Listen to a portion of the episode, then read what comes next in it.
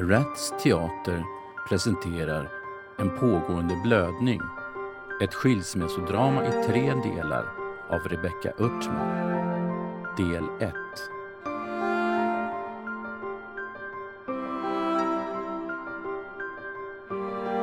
Länge trodde vi att kärleken växte inom oss. Men hon är död. Sen länge. Det var bara vår buk som svällde av längtan. Efter det som den andra slutat ge. Vårt blodomlopp hänger slappt mellan oss. Blågrått och livlöst dinglar banden. Jag kom på stört när jag hörde om det hela. Jag måste få veta hur du tänker. Varför gör du så här? Mamma, jag har, jag har bara en kort paus. Vi kan väl ta det senare. Jag hjälper en patient nu. Senare? Du är ju alltid upptagen. Det är omöjligt att få tag på dig. När jag ringer så tutar du upptaget eller så svarar du inte. Men nu måste jag få kontakt. Jag måste få prata. Det är förlossningsvård, inte terapi som vi erbjuder här. Men Maria! Förlåt mamma, men jag, jag är på jobbet. Mm. Varför kan ingen förstå och respektera det? Jag tar bara minipaus nu och sen ska jag strax in igen. Jag förstår att det är fel timing och allt det där men snälla du, när ska vi få möjlighet att se varandra? Mamma, jag hinner inte ens gå på toaletten. Att jag inte svarar, det har ju inte med dig att göra. Men det är ju alltid alla andra som kommer före. Alltid något annat som är viktigare. Nu vill jag veta, hur mår du? Vad tänker du? Vem träffar du? Vem jag träffar? Ja, om jag kan hjälpa till så vill jag ju göra det. Det förstår du väl? Jag är orolig för dig.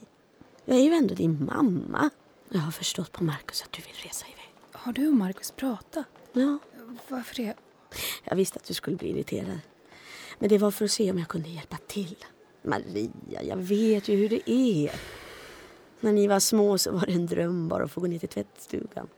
Pappa och jag kunde till och med dra lott om vem som skulle få gå och handla. Det är den tuffaste tiden, men tro mig bara. Det blir bättre. De är snart stora och utflugna allihop. Ja, de är inte små längre. De klarar sig själva och jag behöver inte alltid vara där. Självklart behövs du. Men inte på samma sätt. Men är det här verkligen rätt tillfälle? Vad menar du? Ja, men nu när du jobbar så mycket. Kanske extra viktigt att ni alla får ses någon gång. Vissa saker måste man bara bestämma sig för. Förlåt. Oj. Eh, nej, nej det var inte hon. Vem? Patienten på trean. Hon har hållit på hela natten. Åh, hon vill inte acceptera att fostret är dött. Usch. Åh, stackars. Jag behöver verkligen den här resan, mamma. Kan du inte bara stötta mig i det? Det är desperat. Förlåt att jag säger det. Men jag tycker det är att fly. Och inte ta ansvar för det som egentligen är det riktiga problemet. Eller är det inte så? Varför ska du alltid lägga en analys över mig? Jag tycker inte om det. Nej men lilla Maria. Nu bara släppa allting och så bara dra. Och så på julen av alla dagar. Det finns en massa andra dagar på det här året. Varför måste du välja den dagen då vi alla vill vara tillsammans? Jag är så trött på att jag är den som håller ihop allt. Att jag är den som alltid ska finnas där. Det är alltid jag som står med ansvar för korvar, julskinka och pepparkaksbak. Efter tre dagar, när alla reser hem till sina välstädade hem, så är jag kvar själv i rester av Janssons och kålrotslådor som möglar i kylskåpet. Och det är skitiga lakan och kolapapper överallt. Men du får väl lära dig att be om hjälp. Om jag visste att du kände så här som du känner, då hade vi aldrig kommit varje år. Jackie och Anna och Mårten och alla ungarna, de kan väl också bidra? Och Markus, han säger alltid att han vill hjälpa till. Jag måste resa iväg och Markus ska kunna ta ansvaret. Markus har det otroligt svårt. Att bli sviken så. Att du inte förstår hans situation. Han är den som blir lämnad med allt. Maria, du kan inte bara köra på i ditt race. Det drabbar så många. Det är inte värdigt någon. Är ni på väg att skiljas? Skiljas? Nej, vem har sagt det? Det är det är ju så tydligt utifrån. Jag är ledsen mamma, men jag har en patient med en pågående blödning. Jag, jag måste tillbaka. Men har du ingen riktig rast? Arbetar ni verkligen hela tiden? Det är ju inte bra om ni aldrig får sitta ner. Ni måste protestera. Alla måste gå samman. Nej, usch, jag orkar inte mer nu.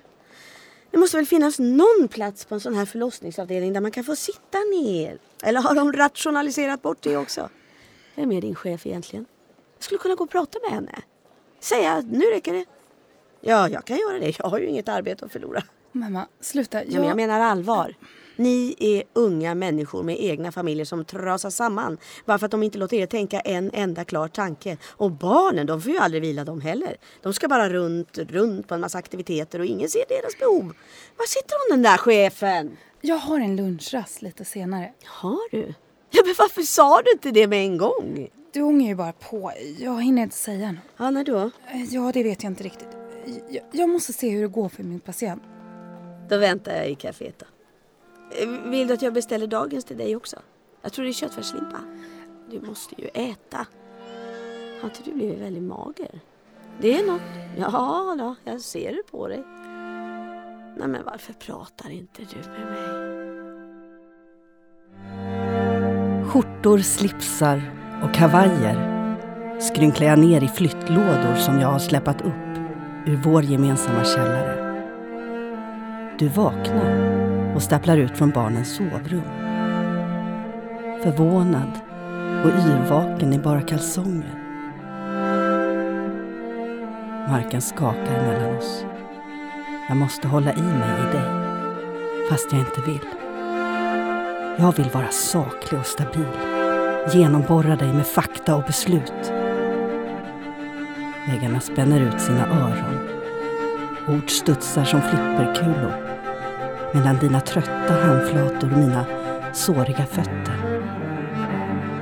Det tar en natt för dig att ställa i ordning allt igen. För mig, ett helt liv. Hej! Här borta sitter jag. Det tog lång tid. En fönsterplats var fint. Mm, jag kände att jag behövde se himlen. Eller i alla fall ha möjligheten. Den har ju inte visat sig på flera dagar. Får jag bara sitta vid ett fönster så blir jag genast på bättre humör. Vill du ha lite mer vatten? Jag, jag tog en hel kanna till oss. Tack, jag behöver bara ett glas. Var kommer alla de här människorna ifrån? Den där kvinnan där borta, hon har vankat fram och tillbaka längs ledstången i en timme nu. Det hjälper när man får röra på sig. På min tid fick man bara ligga i sängen. Då var det ingen som lät en springa i korridoren och härja. På din tid fick man inte ens hålla i barnet när man fått ut det. Då fick man i alla fall sova på natten.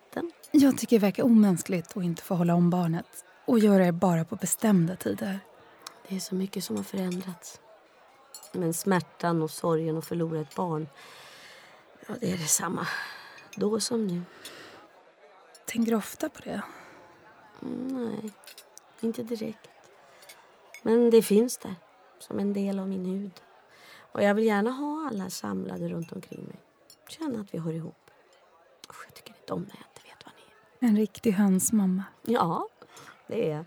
Och det är något bra i att vara det. Alla skulle behöva en höna i familjen. Mamma, jag, jag sviker inte mina barn. Jag ska bara resa bort en stund.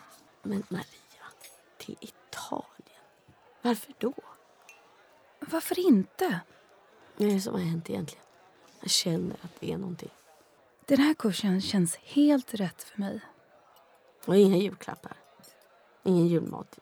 Ingen samvaro. Hur kan du säga så? Det är ju barnen jag tänker på. Det är sista året i grundskolan för Hanna och det skulle vara fruktansvärt om hon inte skulle orka med skolan på grund av en skilsmässa. Vad pratar du om? Skilsmässa? Jag menar att du är vuxen och du kan fatta egna beslut. Men nu fattar du beslut som får konsekvenser för era barn. Mina barnbarn. Hanna kanske mår bra av att jag tar hand om mig. Du behöver tydligen en klarspråk. Vadå? Maria, du är barnslig, du är självupptagen och du ser bara till ditt eget bästa. Jag vill bara att du tänker till nu och inte förhastar dig. Att du gör det som är bäst för familjen, för barnens framtid. Ja, för Markus. Har man väl börjat öppna den där dörren då är det svårt att hitta tillbaka. Det måste finnas fler sätt att leva på. Men du lyssnar ju inte på dem som älskar dig. Jag gör det här för din skull. Vi måste ju hålla ihop och så måste vi stötta varandra. Markus säger att du tänker lämna honom. Och det är helt absurt att du och Markus pratar om oss. Vad mer har han sagt till dig egentligen? Att du inte vill ligga med honom. Har han sagt det? Nej, kanske inte rakt ut, men det, det kan ju vem som helst räkna ut. Om du väljer klosterlivet så finns det väl knappast någon lust i den sänghalmen. Är det inte så? Va? Nej, men varför säger du inget? Det är så genant att du pratar på det här sättet. Ring Markus och barnen i eftermiddag och säg att du älskar dem. För det gör du väl ändå ändå? Ja, men det är väl klart att jag gör. Jag kan ställa upp om du och Markus behöver en hotellnatt. Mamma. Låt ord och handling hänga ihop. Du, du blir bara olycklig om du går emot det du innerst inne vet är rätt. Jag vet inte vad jag ska säga längre. Det räcker med tack, mamma. Nej, nu har jag suttit här alldeles för länge. Det går inte bara att kasta in handduken sådär, Maria. Du är inte ensam. Vi är många som har fått bita ihop för familjens skull. Tar du min bricka också när du går sen? Mamma, Mm. Så, ta hand om dig nu Maria, så ses vi till jul. Vem vattnar våra blommor när vi båda reser bort? När jag packar mina väskor och fyller dem med jord. Gömmer ett fruset frö av hopp långt ner i mina trötta fickor. Regnet slår mot balkongräcket. Dränker barnens hinkar som ligger utspridda på hård betong. Vem samlar ihop oss nu? fäller ut markisen över våra gemensamma minnen. Vem tar emot mig när jag faller från balkongen?